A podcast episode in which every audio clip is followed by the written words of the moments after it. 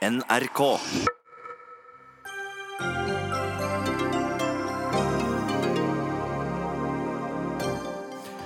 Sammenslåingen mellom Troms og Finnmark er så vanskelig at saken havner tilbake i Stortinget igjen. Arbeiderpartiet mener Finnmark er så spesielt som fylke at det kan bestå som en helt egen region, mens Senterpartiet vil gravlegge hele prosessen. Og apropos Senterpartiet. Stortingsrepresentant Per Olaf Lundteigen mener staten bør kjøpe prinsesse Märtha Louises landsted på Bloksberg ved Hankø, i stedet for at den selges til høystbydende. Stortingsrepresentanter de bør gjøre andre ting enn å legge seg opp i de kongeliges private eiendommer, svarer Høyre. Eldrebølgen fremstår både som en bløff og skremselspropaganda, hevder en professor i samfunnsøkonomi. Det er dessverre ikke et skremmebilde, men en realitet, påpeker Civita. Og lykken er å ha lite, møt forfatteren, som sier at han føler seg rik selv om han lever på fattigdomsgrensen.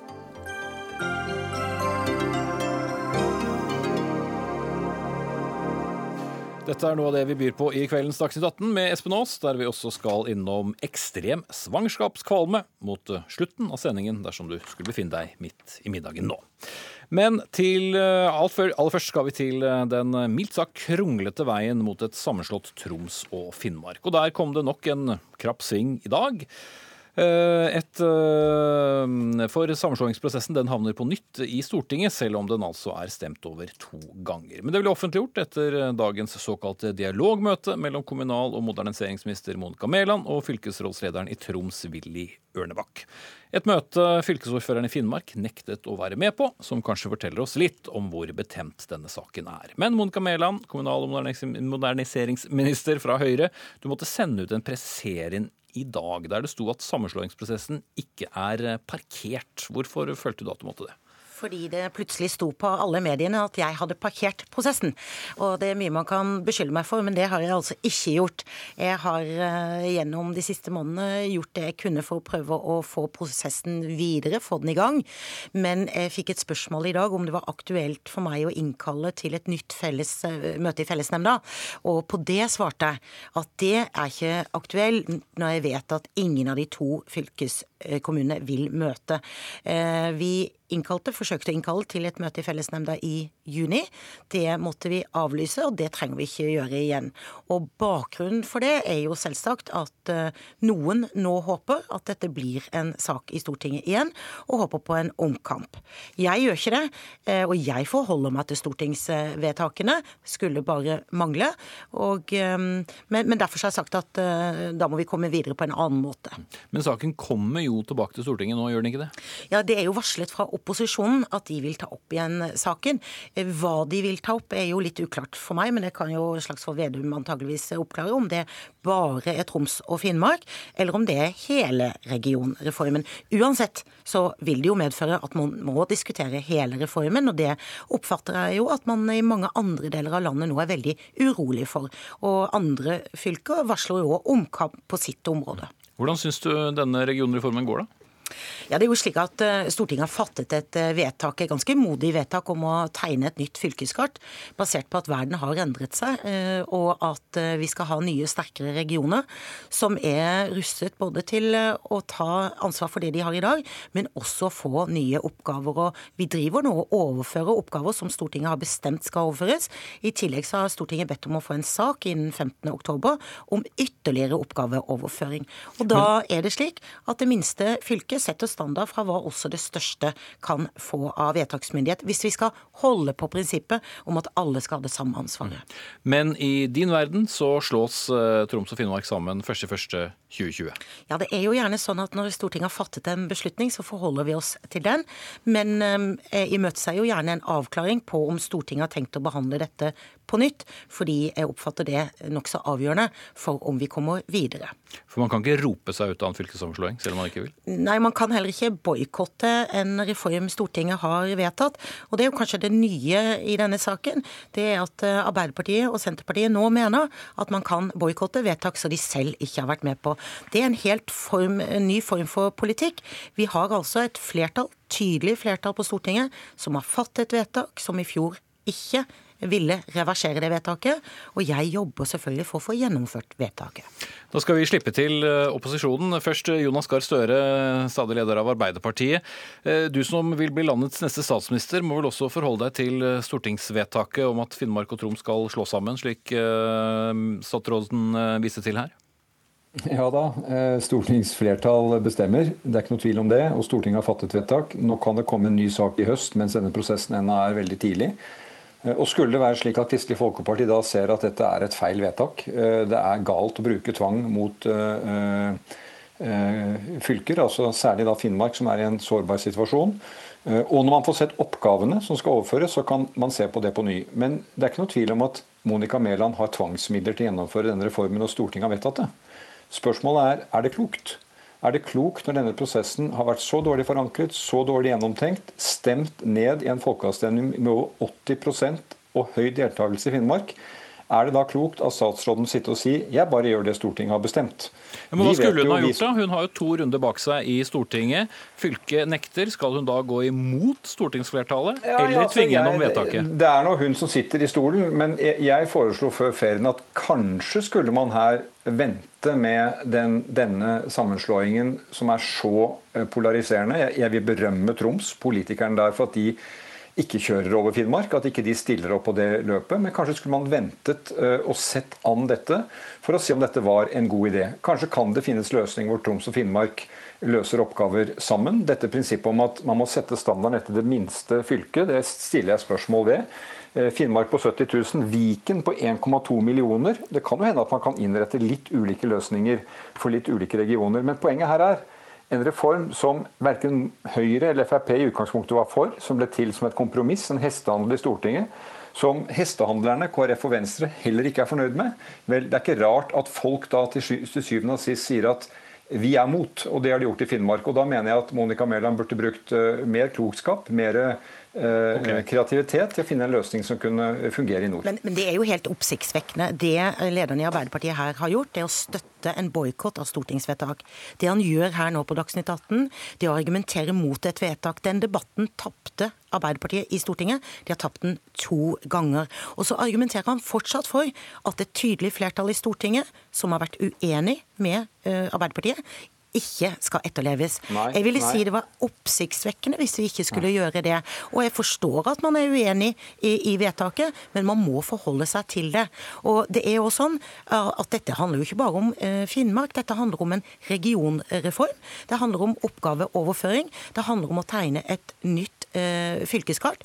Det har Stortinget gjort. Og det er heller ikke sånn at dette er tidlig i prosessen. Da har ikke Gahr Støre fulgt med i det hele tatt. Men, dette er veldig seint i prosessen. Tenker du, ja, du skal få svare på det, men jeg bare lurer på, tenker du at vi må se for oss en slags Lex eh, Troms og Finnmark eh, alene, eller må vi se hele regionreformen på nytt? Eh, etter mitt eh, syn burde man sett hele regionreformen på nytt. Men, men Monica Mæland, jeg er valgt i Stortinget. Jeg vet at det vedtaket er fattet. Jeg vet at vi var i mindretall. Og jeg vet at du har tvangsmidler til å gjennomføre det. Jeg spør deg hvor klokt det er.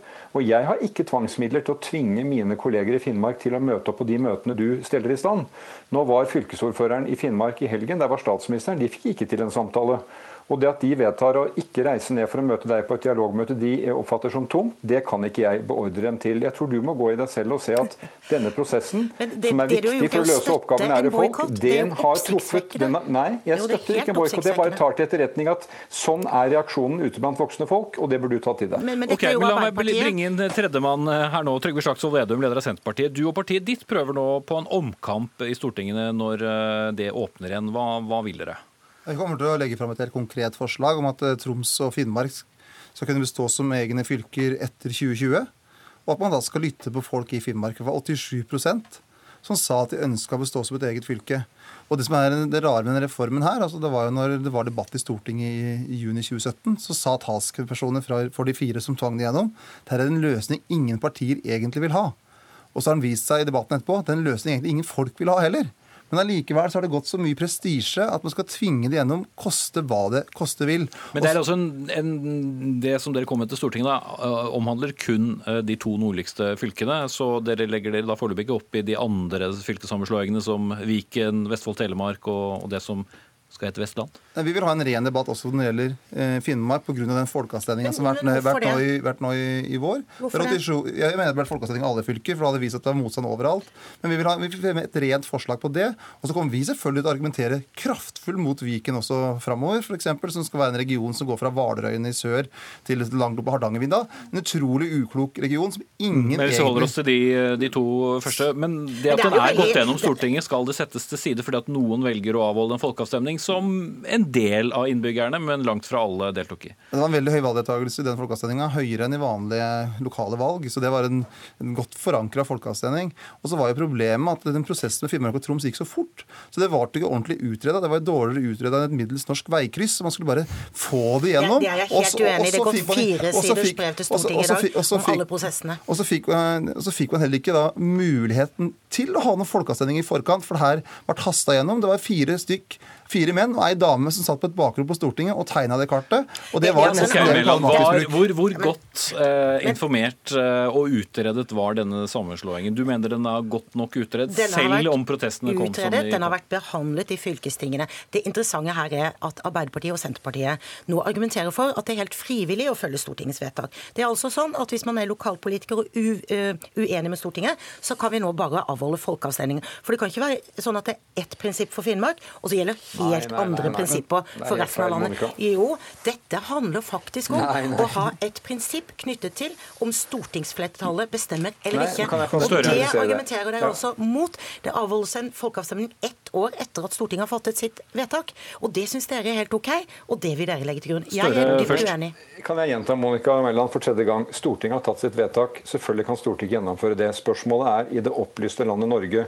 Hvordan lytter vi til de erfaringene vi gjør underveis? Eh, Og Poenget er igjen, den tvangsmetoden du har brukt her, har støtt på hard ved hos folk.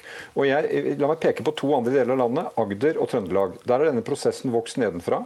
Politikerne har kommet til at det er en bedre løsning. De får løst oppgaver, bo- og vekstregioner, eh, komme på arbeid, løse viktige oppgaver nære folk. Det klarer de. Det er gode fellesskap, Monica. Det er gode fellesskap som de jobber. Det er ikke lett, men de jobber det fram.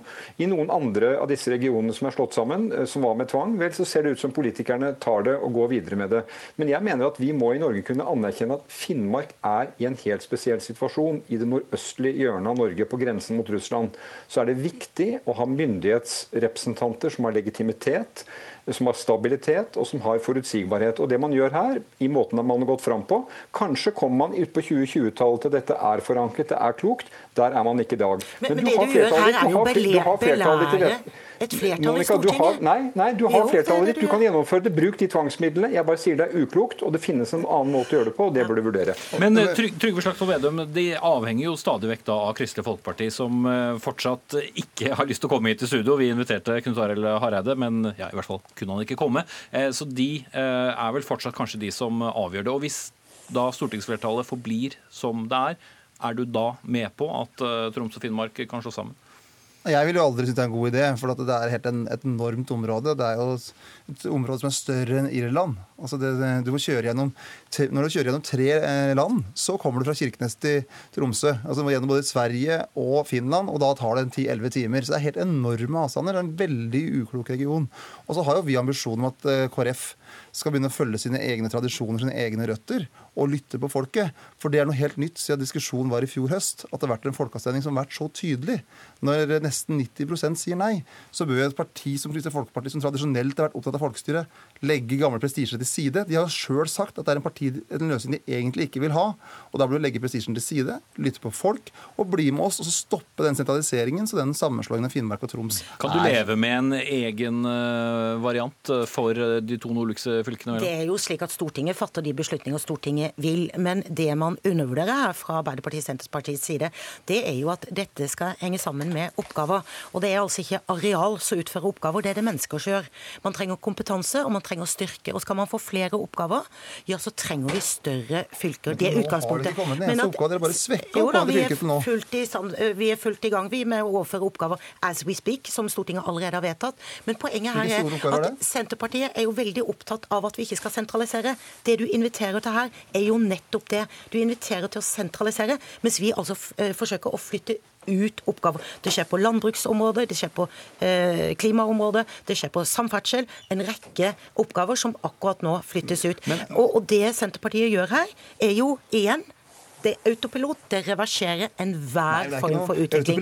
Verden har eh, forandret seg. Det skal du, jeg må bare spørre deg veldig raskt, for Du sa under Arendalsuka at uh, hvis dette ikke blir noe av, så kan hele regionreformen ryke. Er det så på spissen?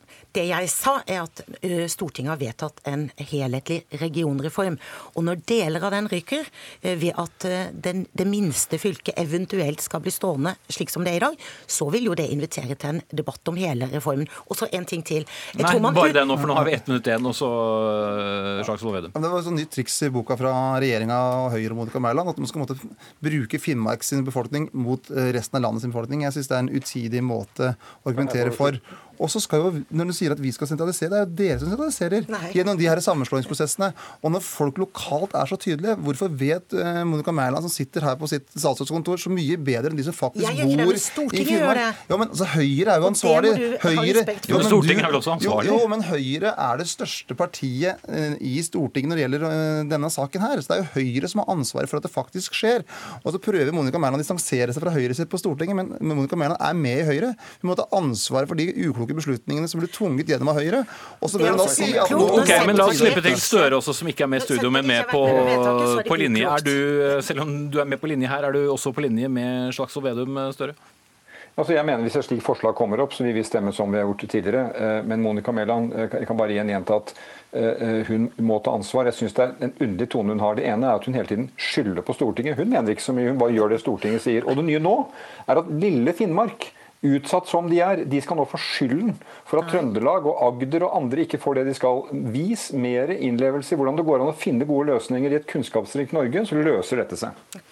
Nei, jeg syns det er helt eh, fascinerende hvordan man sitter og belærer stortingsflertallet. Jeg skyver jo ikke Stortinget foran meg, forholder meg til Stortinget. Det burde dere òg begynne å gjøre i saker hvor dere ikke har vært en del av flertallet. Det er en dårlig løsning. Og, og dere, La Mæland snakke ut. Jeg tror dere òg undervurderer resten av landet. For det er jo ikke sånn at man vil sitte i resten av landet og si at uh, vi Eh, skal utsettes for eh, beslutninger fra Stortinget, men andre skal det ikke. Selvfølgelig er det ikke sånn. Eh, det er jo sånn at Hvis man kan ha omkamp ett sted, så kan man ha det et annet sted. Kan man ha folkeavstemning ett sted, så kan man ha det et annet sted. Og det tror jeg er en utvikling dere skal tenke nøye gjennom om dere ønsker. Da ble denne oppfordringen fra kommunalminister Monica Mæland siste ord. Takk til deg og Arbeiderpartileder Jonas Gahr Støre og leder av Senterpartiet Trygve Slagsvold Vedum. Og da bytter vi eh, litt mannskap og får inn vår politiske kommentator Lars Nehru Sand. Og ja, hvordan vil du, som har fulgt denne saken tett og også vært på besøk i våre nordligste fylker, hvordan vil du kommentere dagens eh, utvikling i denne sammenslåingsprosessen? I dag syns jeg det for så vidt er som forventet at eh, Mæland bruker eh, tiden litt eh, til hjelp når hun ser at denne fellesnemnden, altså Troms og Finnmark selv, ikke får fortgang i denne prosessen. Og hun på den annen side vet at Stortinget uansett skal ta opp saken på nytt. Og da syns jeg det er rart at hun nå absolutt ikke stopper opp, men hun, hun avventer hva som videre vil skje, og om Stortinget står på sitt. Og så er det jo da, som jeg var inne på, noe av spenningen eh, om vi kan få noe nytt utfall i denne saken når Stortinget samler seg igjen, og om Kristelig Folkeparti vil eh, tenke annerledes. Ja, det er jo der eh, mye av spenningen ligger. Det er vel ingen som tror at eh, man i Finnmark fylke vil våkne opp senere i år og, og tenke at du nå blir vi med, og, og møter på møter som Mæland kaller inn til.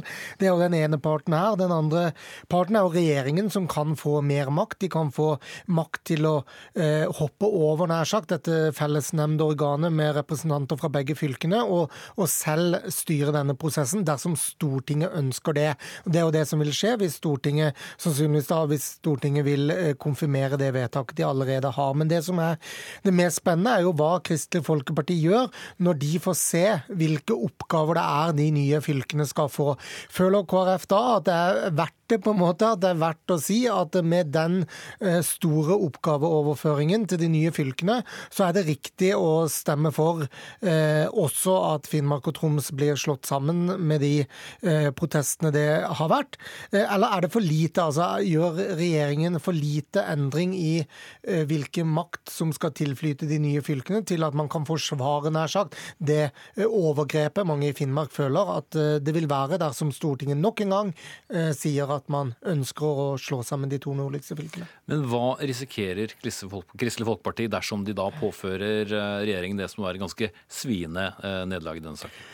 Nei, Det er jo det som er KrF sitt store problem, jeg tror vi kan si det. Fordi eh, KrF liker jo denne vippemakten når det er i saker de selv brenner for. Og så syns de det er veldig vondt og vanskelig i saker de selv egentlig ikke skulle ønske at deres siste stemme eh, skulle bety så veldig mye.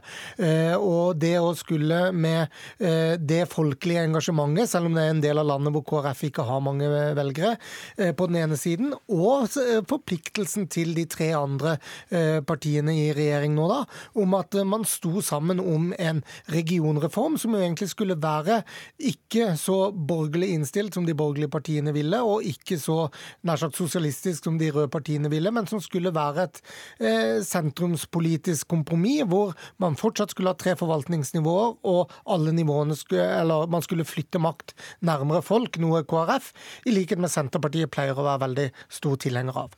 Men hvorfor har denne saken blitt så stor? Altså, knapt noen sak som er så ofte innom dette studio og veldig mange andre av NRKs eh, flater. For det er jo, som det har blitt påpekt, to ganger den har gått gjennom Stortinget. Ja, og det mm, kanskje merkeligste i hele den løypa, som har vært lang, som du sier, eh, er jo at det ikke var en større sak i stortingsvalgkampen i Finnmark, altså rent regionalt i fjor.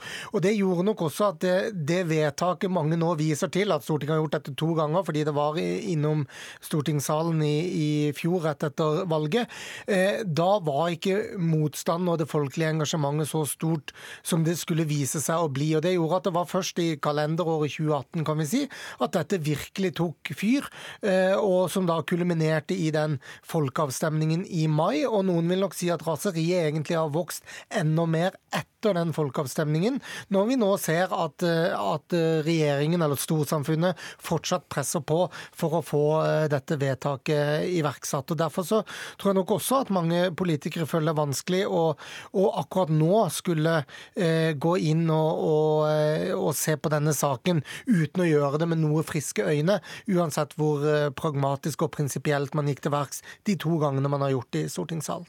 Takk skal du ha, politisk kommentator Lars Nehru Sand, og kan nok love at vi kommer innom den saken igjen i Dagsnytt 18. Dagsnytt 18 alle hverdager klokka 18.00 på NRK P2 og NRK2.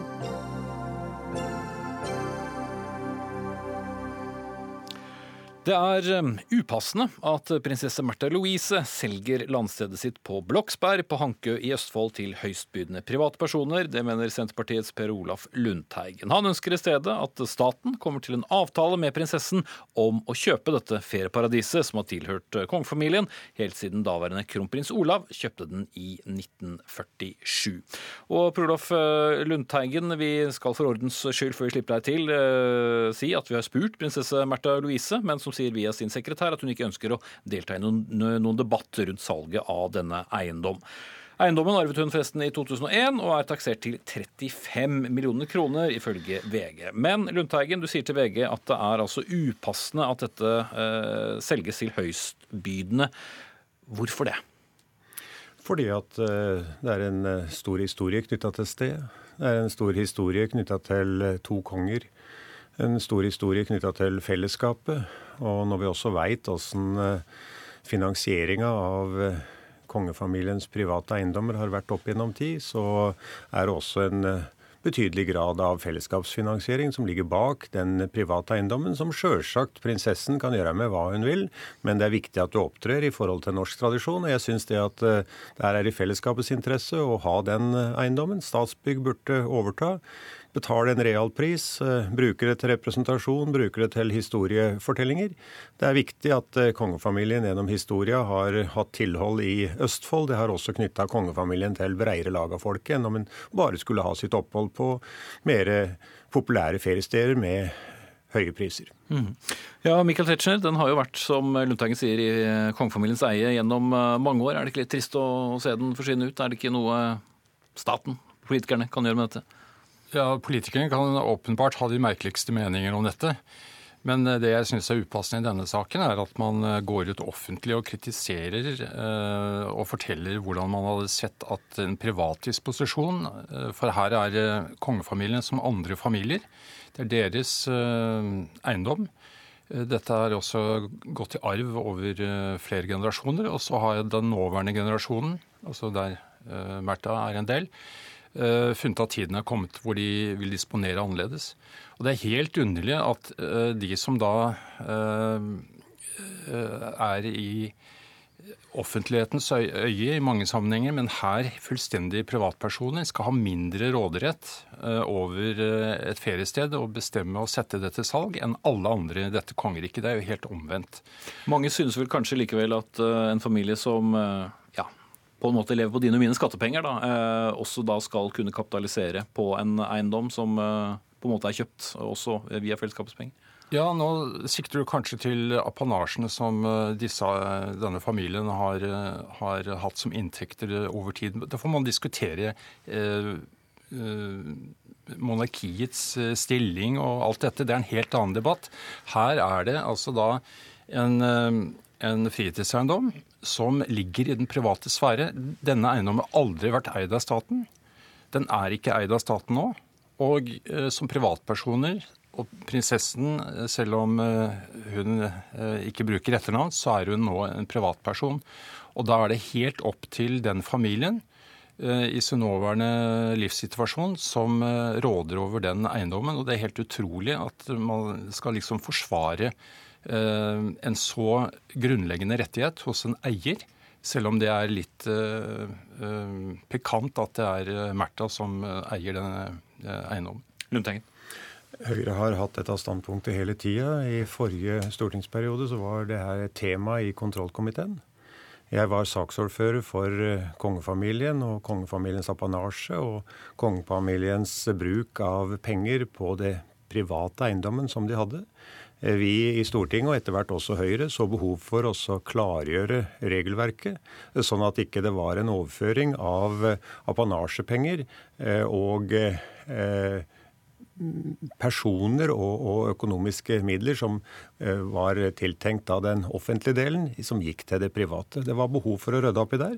Og når Senterpartiet var en pådriver for det, så er det fordi at vi er sterk tilhenger av kongedømmet. Vi ønsker at eh, kongens plass i samfunnet skal være sterk, og da er det viktig å ha klare regler ved det her. Men understreker du ikke da Tetzschners poeng med at det i så fall ikke er de offentlige pengene som, som er inne her, og at det således er en privat del av uh, kongefamiliens eie? Det som var saken, det var jo at Bloksberg var jo et av temaene som førte til denne diskusjonen. Fordi at det var altså fellesskapspenger som var brukt på Bloksberg, og det var ikke helt etter regelverket.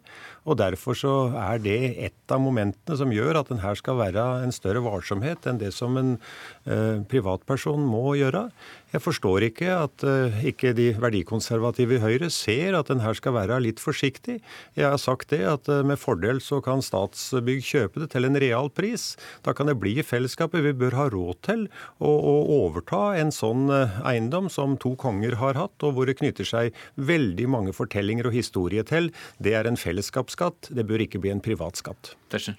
Ja, Fellesskapsskatt har det aldri vært. Dette har vært eh, fullstendig Det har blitt en fellesskapsskatt. Nei, eh, ja, I den eh, grad man interesserer seg for å lese ukeblader, som også har- dekket kongefamiliens ferieplaner og, og ferieavvikling. Men ellers har jo ikke dette, denne eiendommen spilt noen som helst rolle i kongefamiliens offisielle plikter for landet, som de utførte utført på en utmerket måte. Og dette er jo det motsatte av ryddighet, eh, som eh, Lundteigen sier at han er en stor tilhenger av. At man klarer å, ha et klart skille mellom hva som er private formuesdisposisjoner i, i eh, familien, så, og kongefamilien, og, og eh, hva som er de offentlige representasjonsbyggene. Og Det er riktig som det nevnes her, at eh, kontrollkomiteen hadde en gjennomgang av dette. Og Hvis det da er en post eller noe det er uklarheter, jeg mener at det ikke var det etter at vi var ferdig med saken, så får man jo da gjøre en avregning. Men det å si at fordi det har vært uklarhet tidligere, så skal altså da den nåværende eieren legge begrensninger på seg selv som ingen andre selgere har i hele landet, Eh, når de da vurderer som best for sin økonomi, og ikke sitter med et veldig eh, stort og eh, antagelig også ganske kostnadskrevende landsted å vedlikeholde. Og, og hvis vi først trekker inn samfunnsargumentene her, så er det veldig viktig at det er en familie med økonomi som har løpende inntekter. Som også kan holde den faste eiendommen i hevd. Og det er etter hva jeg forstår Eh, ikke tilfellet når, eh, når, man da er selvstendig næringsdrivende på det planet som eh, prinsessen som privatperson nå er. Og da er det bedre at hun selger enn at hun gjør det offentlig? Det er i hvert fall en beslutning som den familien tar helt suverent, og som de ikke fortjener verken å bli kritisert for. Og de, jeg mener også at det er ganske uskjønnsomt, fordi dette å gjøre dette til stor offentlig debatt også viser at man ikke er villig til å eh, yte noe privatliv til eh, de personene som nå er privatpersoner. Jeg må dessverre sette strek der, Prolof Lundteigen fra Senterpartiet og Michael Tetzschner fra Høyre. Og hvis eh, noen lurte på noen morsomheter om å dra til Bloksberg, det har ikke noe med dette Bloksberg å gjøre. Det navnet henviser til Nord-Tysklands høyeste fjelltopp, som er mer kjent for hekser enn for prinsesser. thank you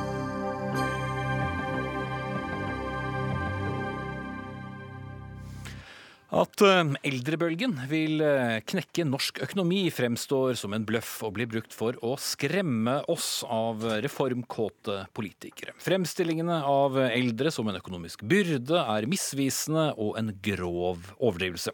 Dette er for all del ikke mine ord, men denne kraftutblåsningen kunne vi lese i en kronikk i Klassekampen i dag. Og mannen bak kronikken det er deg, Bjørn Jensen, professor emeritus i samfunnsøkonomi ved Høgskolen i Innlandet. Du og flere andre har på oppdrag fra Pensjonistforbundet sett på nettopp eldrebølgen, som vi har vært ofte innom her i Dagsnytt 18, og de mulige konsekvensene. Og du sier altså at dette fremstår mer som skremselspropaganda. Hvordan da? Ja, Vi har altså da presentert eh, disse analysene våre i fagbladet Samfunn og økonomi, slik at de er offentlig tilgjengelig. Og eh, Det vi har prøvd å se på, det er å skape et helhetsbilde. Altså Det som man har gjort eh, i de analysene som har vært laget tidligere, det er å se isolert på at man blir eldre i det norske samfunnet. Og Da er det to forhold som det er veldig viktig å se videre på. Og Det første det er jo at det er ikke bare det at vi blir eldre. Vi får f.eks. en 65-åring får fem flere leveår i 2060 enn han har i dag. Eh, hvis prognosene slår til. Men det man i tillegg gjør, man får flere friske leveår. Og Det er det som er, ligger under prognosene, bl.a. fra Eurostat. Det er det ene forholdet. Og det er klart at Når vi får flere friske leveår, ja da må vi naturligvis levealdersjustere pensjonene våre, og det har vi gjort. Eh, det andre forholdet det er hvem, hvilken annen stor gruppe er det de yrkesaktive må forsørge. Man kan for øvrig diskutere om de yrkesaktive forsørger de eldre, men hvem, hvilken stor gruppe er det? Jo, det er nettopp barn og ungdom under utdanning. Og den gruppen synker jo. Og når du ser de to tingene i sammenheng, ja, så øker ikke det som man kaller den såkalte forsørgerbyrden fram til 2060. Og jeg ble veldig, jeg må si at jeg ble nesten stum når vi så på disse analysene og så at dette var det virkelige resultatet. Ja, det vi ofte hører om da er det vi gjerne kaller for haikjeften. altså Der utgiftene til uh, pensjoner og uh, andre sosiale utgifter blir større enn inntektene. Uh, men det jeg ikke skjønner helt i din argumentasjon, hvis det blir enda færre som er under utdanning og arbeid, burde ikke det gi oss all grunn til å være bekymret fordi det blir færre yrkesaktive som da betaler skatt, og flere som eh, går på pensjon. Ja, det, det, det, forholdet at det blir færre barn i, i, samfunnet vårt, det eh, kan nok på veldig lang sikt muligens være uheldig for oss. Jeg er litt usikker på det. Det er ikke det vi har analysert. Det vi har sett på er da hvordan den virkelige hardkjeften er. Og da fremstår den hardkjeften slik som den er laget i prognosene og skissene i i, i perspektivmeldingene de, som direkte løgn med statistikk. Eh, fordi at, som sagt Det er harde ord, da, for ja, dette er det finansministre fra to regjeringer som har lagt frem. Det er harde ord, fordi at, fordi at det, som, det, det som de ikke tar i betraktning, det er altså at vi, vi, skal, vi skal utsette pensjonsalderen altså i takt med at vi blir eldre. Og den forsørgerbyrden vi har for unge og ungdom under utdanning, den synker. Slik at den samlede forsørgerbildet, altså helhetsbildet, det er at vi får ingen økning i denne såkalte forsørgerbrøken. Mm. Eh, Mathilde Fasting, siviløkonom i eh, Civita. Dere har jo skrevet mye eh, om nettopp eldrebølgen, og du har selv skrevet boken 'Har vi råd til fremtiden?' om perspektivmeldingens utfordringer. Har Jensen et poeng? Altså Du skal slippe å vurdere om du er enig at det er en bløff, men vi har jo sagt at folk skal jobbe lenger, og, og følgelig så bør vi kanskje ikke være så nervøse for eldrebølgen? Eller? Altså, eldrebølgen og den demografiske utviklingen som perspektivmeldingene bygger på, er jo nettopp årsaken til at man begynte å levealderjustere pensjonene. For man så nettopp at folk levde lenger og var friskere lenger. Så det er, et, det er en det, løsning på den demografiske utviklingen som man allerede nå har tatt tak i. I tillegg så er det sånn at selv om man er eh, friskere lenger, så er man også skal vi si, Man får også en sykehjemsperiode eller man får en sykdomsperiode på slutten av livet uansett når den kommer. Og det blir mange som kommer til å få den fordi det blir flere som, som naturlig nok etter de fødselstallene vi hadde etter krigen og oppover, da kommer i den fasen hvor de trenger eh, helsetjenester som koster penger.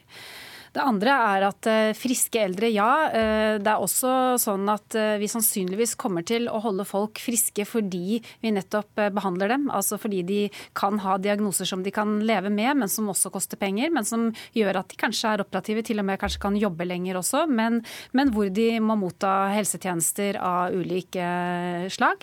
Og dessuten det siste er at kvaliteten på helsetjenestene, som ikke er tydelig fremkommet i noen av perspektivmeldingene, nemlig at vi har lagt på kvalitet kvaliteten i helsetjenestene helt fra ja, 70-80-tallet, så har man økt eh, kostnadene til det på 1-2% i året. Og det kommer til å fortsette, slik at kvaliteten er jeg helt sikker på at eh, de eldre, og for så vidt alle som trenger helsetjenester, kommer til å ønske er bedre. Og det kan handle om f.eks. fra dobbeltrom på sykehjem til enkeltrom og okay. forskjellig. Eh, så din, din, kortversjon er jo, det er all grunn til å uh, frykte for økonomien ved, ved eldrebølgen. Ja, for det, bare for å plukke opp noe, sa Jensen, med at eh, la gå, vi lever lenger. Men det betyr jo ikke at vi ikke blir syke, selv om vi kanskje blir det noe senere. Og trenger behandling selv om vi trenger det noe senere. Og det koster jo da òg. Ja, Selvsagt må bevilgningene og innsatsen i helsetjenestene og pleie og omsorg øke. Men det er ikke en utfordring som vi ikke kan klare å løse på en god måte fremover. Uten å øke skatter eller eh, andre? Ja, Det kommer litt an på hvordan veksten blir i bruttonasjonalprodukt osv. Hvordan verdistigningen er i samfunnet vårt. Og Den er jo slik at i både perspektivmeldingen som Stoltenberg la frem og i perspektivmeldingen som Solberg legger frem, så forutsetter man at eh, det kommer en Eh, vekst framover. Slik at dette er en utfordring som jeg mener vi klarer å løse. Men så syns jeg litt, litt, vi kan komme litt tilbake til pensjonsreformen. Fordi det må være kort, for tiden går uh, ja, fort her. Vi, og det er, altså, vi har jo senket pensjonsalderen fra 67 til 62 år. Og Det er jo imot, det, har jo ført til at de har fått merkostnader per år til eh, folketrygden på 20 milliarder kroner per år. Og det må jo finansieres.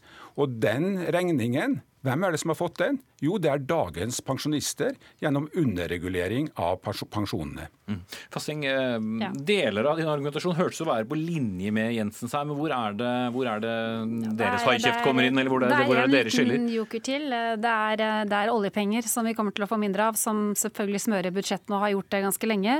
Og det andre er at vi er inne i et, eh, kall det et lavrenteregime, som gjør at de pengene vi må sette av til pensjoner, sannsynligvis blir mer krevende for å få den avkastningen som skal gi pensjonsutbetalingene. Så det er i dag allerede en stor underdekning i både offentlige pensjonsordninger og en god del private. Selv om vi går over til å ha mer fondsbaserte ting, så er dette ting som rulles ut over veldig, veldig mange år før en pensjonsreform er fullstendig gjennomført. Fordi eh, man har overgangsordninger for ulike alderskull osv. Så, videre. så pensjoner er en kjempestor utfordring uansett hvordan man vrir og vender på det her. Men uh, hvis jeg husker riktig fra da Stoltenberg-regjeringen la frem perspektivmeldingen, perspektivmelding, så snakker man om 2020 eh, var liksom den store datoen da, da dette krysset inntraff. så man forskjøvet det. Ikke østover, men lenger frem i tid. Og er ikke det også et poeng at vi har, vi har, flyttet den, sånn at Jensen har vel delvis rett i at dette kanskje ikke var så skummelt og så nære? Det er jo alltid sånn at dette her er fremskrivninger, ikke sant. Og det fine med dem er at vi kan diskutere forutsetningene som vi nå gjør her. Hva er det som, som ligger til grunn? Men, men, at vi må gjøre en del reformer, og at det er lettere å gjøre dem mens vi har penger til å gjøre det, enn når vi har mindre penger til å gjøre det, det er også, det er også noe som jeg har argumentert for. Og så kan vi diskutere hva slags velferdsstatsordninger ønsker vi å ha i fremtiden. Og, og det er også åpent for debatt. Men at dette krysset skjer i 2020 eller 2025, ja, det kommer til å komme fordi befolkningen vil eldes, og det kommer ikke til å bli noen bølge, men det kommer til å bli en ganske jevnt stigende kurve. Mm eldrekurven. En grøsser som ikke har nådd kinolerretet, i hvert fall. Takk skal dere ha, eh, Bjarne Jensen, professor eh, emeritus i samfunnsøkonomi på Høgskolen i Innlandet, og Mathilde Fasting, siviløkonom i Civita. Hør Dagsnytt 18 når du vil. Radio NRK Radio.nrk.no.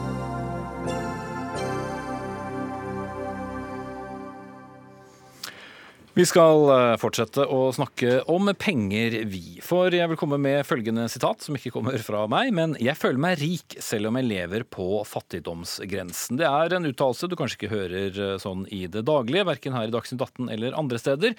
Men eh, Martin Nygaard, forfatter, du lanserer i disse dager begrepet fattigdomslykke. Hva er det?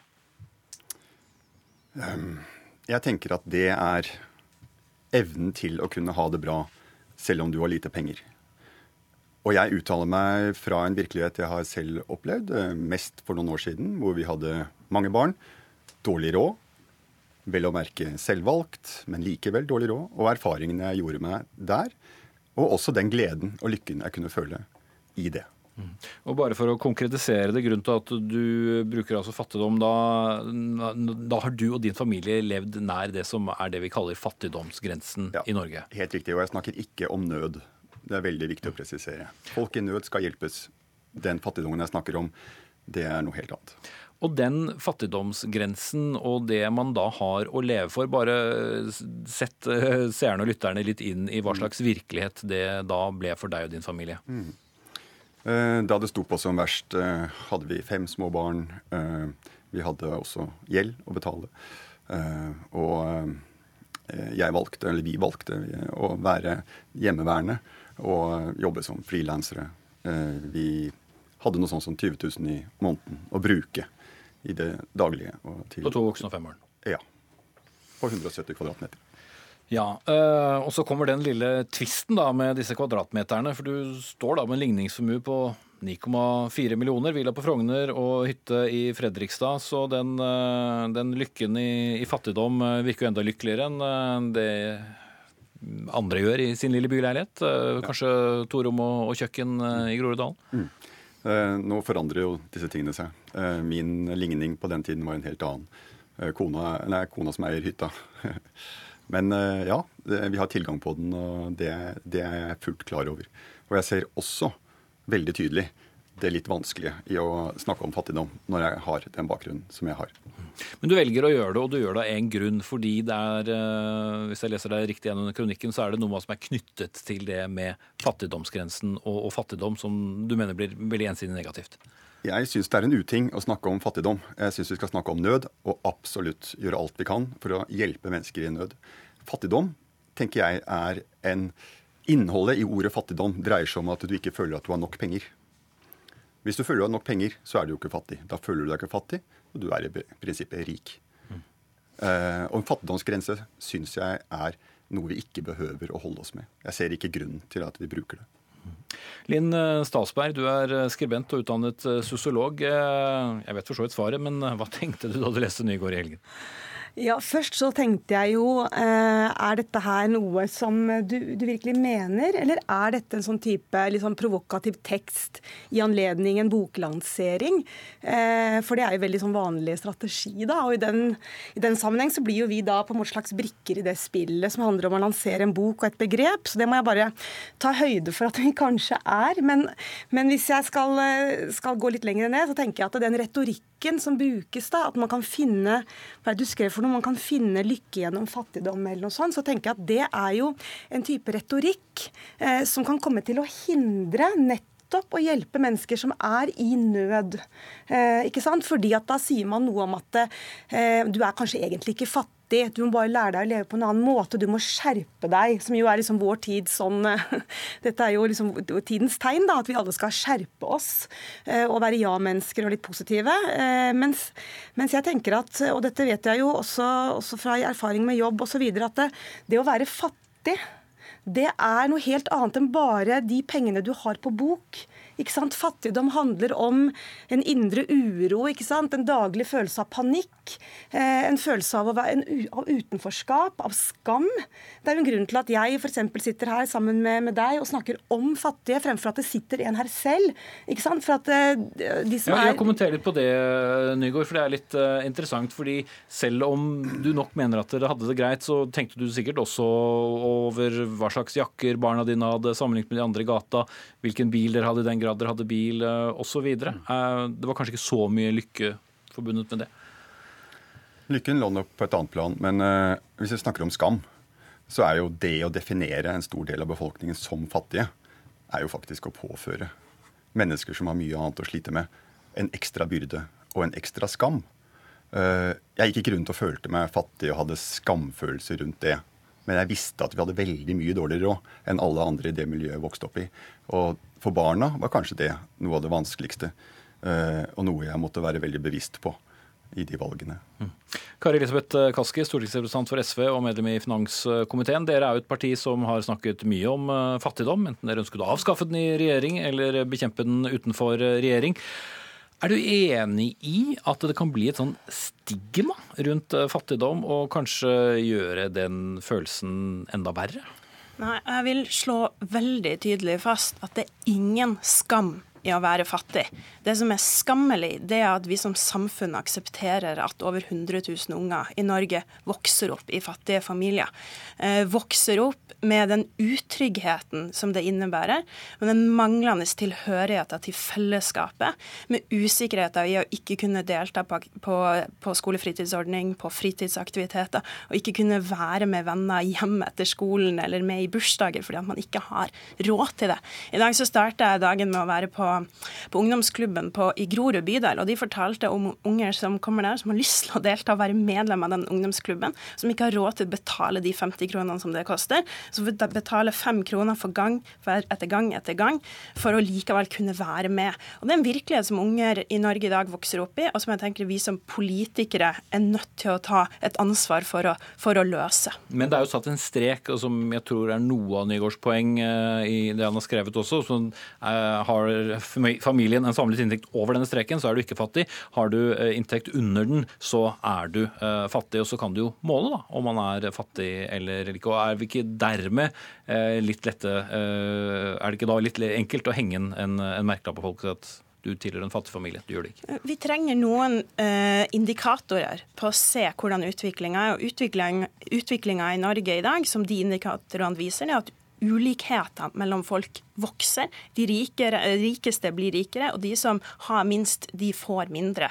Og Parallelt med den utviklinga er det flere unger som vokser opp i fattigdom. Og Da kan du lytte til de faginstansene, til de fagmiljøene. Du kan lytte til de som jobber med ungdom, og du kan lytte til ungdommene sjøl og høre hvordan de forteller om deres virkelighet. Og Det er klart at det er jo ikke den absolutte fattigdom som du ser i en del utviklingsland, men en relativ fattigdom sammenligna med den levestandarden som vi har her i Norge. Og den påvirker oppveksten til de ungene. Vi vet at det går, har effekt knytta til, til, helse, til hvilke utdanningsvalg de tar senere. Og det finnes politiske løsninger som kan bidra til at de ikke trenger å vokse opp i den fattigdommen. Og det tenker jeg er kjempeviktig at vi setter på dagsorden, og at vi tar på alvor. Mm. Statsberg før Gortbakken Nygaard. Jo, jeg bare tenker at eh, For vi som bor på andre siden av, av byen da, enn deg, så, jo, så blir det en sånn der, blir litt sånn personlig på en måte. ikke sant? Det føles litt som en hån da, mot de som, som vi ser, som jo Kaski snakker om. De barna som ikke kommer i bursdager. De barna som står og henger på gjerder over fotballtreninger, men de får, har ikke råd til å være med. Dette er virkelige mennesker med virkelige navn, som lever virkelige liv. ikke sant? Og det er, de lever på en måte... Men er ikke det han har vært en del av? Da? Nei, han har jo ikke det. For han sa i en bisetning her, riktignok var det selvvalgt, og det er på en måte all forskjellen Ikke sant? Du sier at dere var hjemmeværende, dere har vært ressurssterke, nærværende familier. Mens fattigdom er jo ofte det motsatte. Det er fravær. Det er foreldre som jobber turnus, som er slitne, som har dårlig helse, som bor trangt, sånn at barna går, går ute på kvelden. ikke sant? De kan ikke Men likevel på denne berømmelige fattigdomsgrensen, da, som eh, Jo, vi har men da må jeg bare si at jeg må si dette før, før jeg For jeg må si en, en hyggelig ting til deg også. fordi det er ingenting ved din livsstil som jeg syns er negativ. Jeg syns du har en utrolig fin livsstil, og jeg beundrer deg for den. Og jeg tenker at det, i et sånt nøysomhetsperspektiv, i en sånn miljøkontekst, så er ditt budskap kjempeviktig. Eh, og jeg tenker at det budskapet må du gjerne ta til flere. Eh, men det er ikke fattigdom. Ikke sant? Det er nøysomhet, det er miljøvennlig, og det er fint. Ja. Eh, Nygaard, eh, føler du du kan sammenligne deg med en eh, hvilken som helst fattig familie i en, eh, i en småby eller eh, på østkanten i Oslo, med dine valg? Nei. Nei, nei.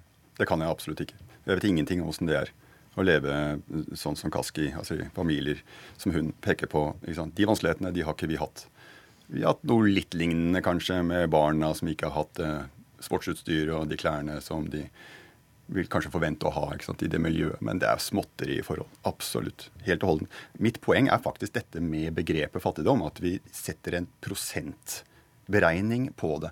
Det betyr at uansett hvor mange rikinger vi får i Norge, og hvor mye vi løfter, så vil det alltid være 10% som er under den grensen, så lenge det er en prosentvurdering. Det vil si at det vil alltid stemples store mengder mennesker som fattige. Uansett Men er det ikke også viktig, har. som vel er litt av poenget til bl.a. Kaski, at vi Altså man må, sette, man må trekke en grense et sted. Skal vi kalle det noe annet? Skal det det- ikke være en prosent? Skal det være lavinntektsfamilier? Jeg tenker at hvis man skal alltid hjelpe de som har minst, og da kan man rett og slett gjøre det uten å kalle de fattige.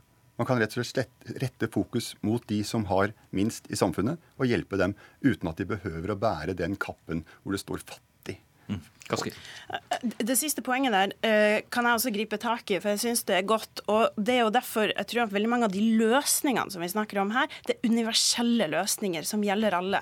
Eh, Gratis aktivitetsskole i Oslo f.eks., som rulles ut nå med SV i byråd på en rekke skoler. Det handler om at foreldrene ikke skal gå, måtte gå med lua i hånda, eller at det er en sånn søknadsprosess du må gå igjennom for å få mulighet til å ha ungen din på aktivitetsskolen, men at alle får det. Sånn at også ulike typer unger med ulike typer foreldre kan møtes sammen på, på samme sted. For da skaper du det fellesskapet. Og det å liksom å bygge ut velferdsstaten på den måten, det er enormt viktig i møte med nettopp den utviklinga som vi ser, som er større ulikhet og flere som vokser opp i fattigdom.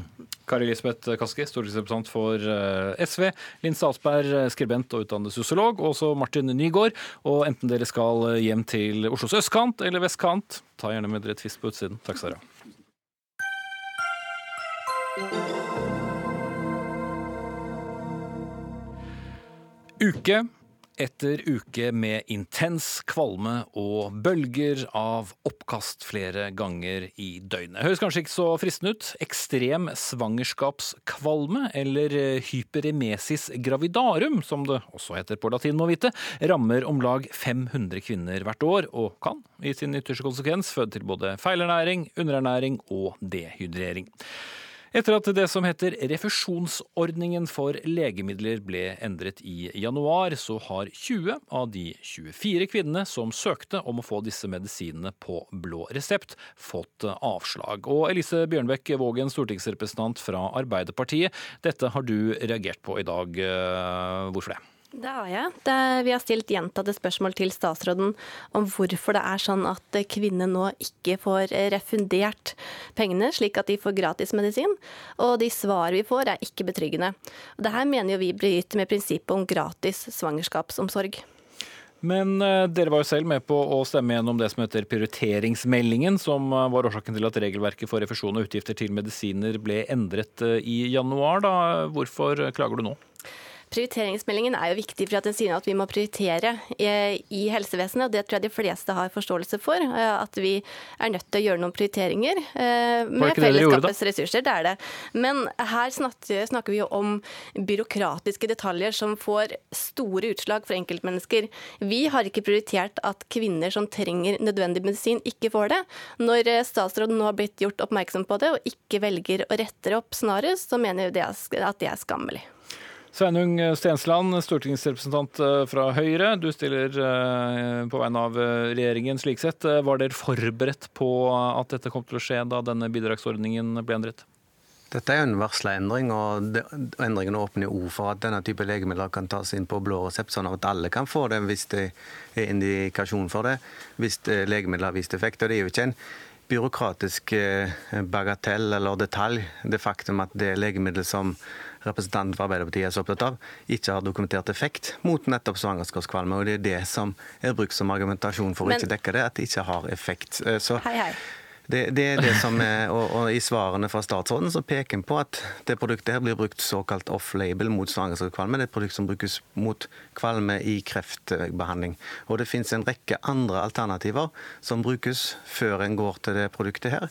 Og, og det finnes mange gode råd og tips for svangerskapskvalme, men akkurat sofran det er da dårlig dokumentert. og Det er sågar sånn at det er indikasjoner på at det kan gi fosterskade tidlig i svangerskapet. Ja, for Vi snakker altså om et uh, legemiddel her. Bare la meg komme et poeng først, eh, Bjørnbekk uh, Vågen. Og Det er jo som Stensland sier, at både antihistaminer og dopaminantagonister faktisk anses som foretrukne alternativer, som også noen av dem er reseptfrie og billigere.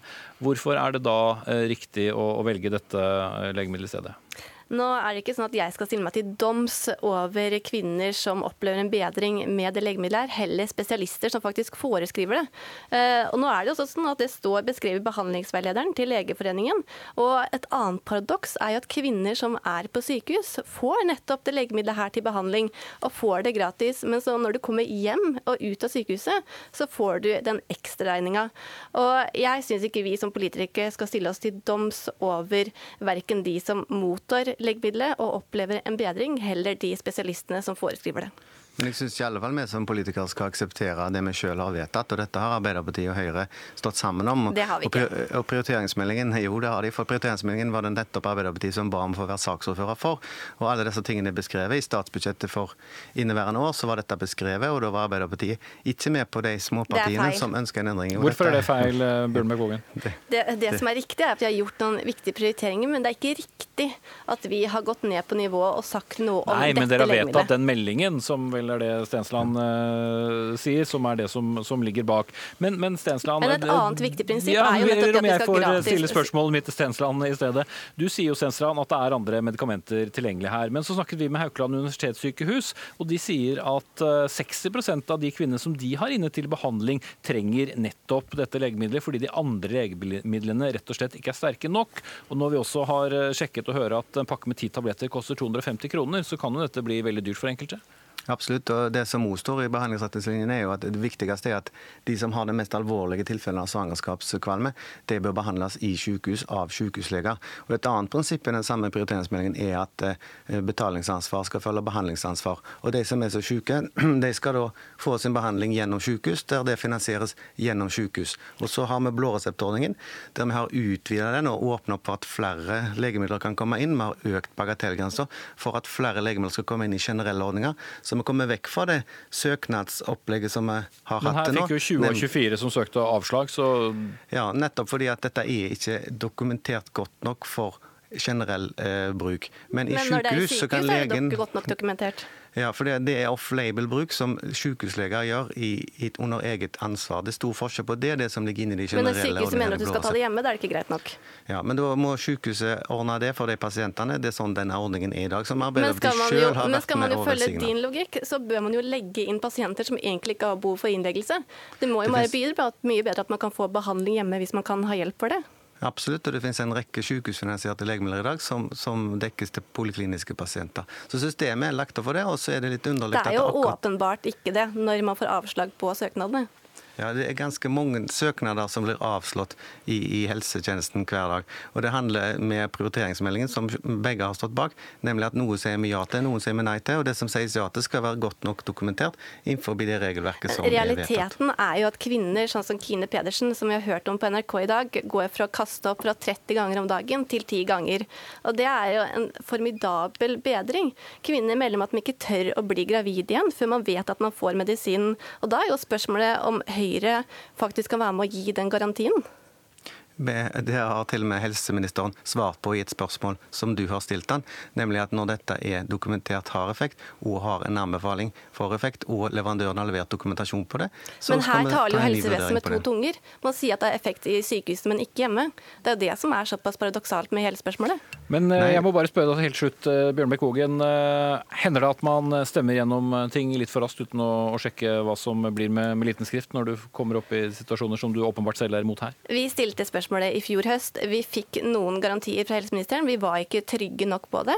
Og så ser vi nå utslagene av, eh, av saken, og vi mener at nå må vi bare skynde oss å rydde opp. Ok, eh, jeg setter eh, strek der, ja. Elise Bjørnbekk Vågen, stortingsrepresentant for Arbeiderpartiet, og Sveinung Stensland, eh, stortingsrepresentant for Høyre. Programleder har lekt med forskjellige ordspill rundt kvalme til å runde av sendingen. De får heller bli med på en bonus-DVD en annen gang. Og så forteller jeg heller at Anne Katrine Førli var ansvarlig for denne sendingen. Lisbeth Sellereite hadde det tekniske ansvaret, og her i studio satt Espen Aas. Og Dagsnytt 18 er naturlig nok tilbake i morgen samtidig.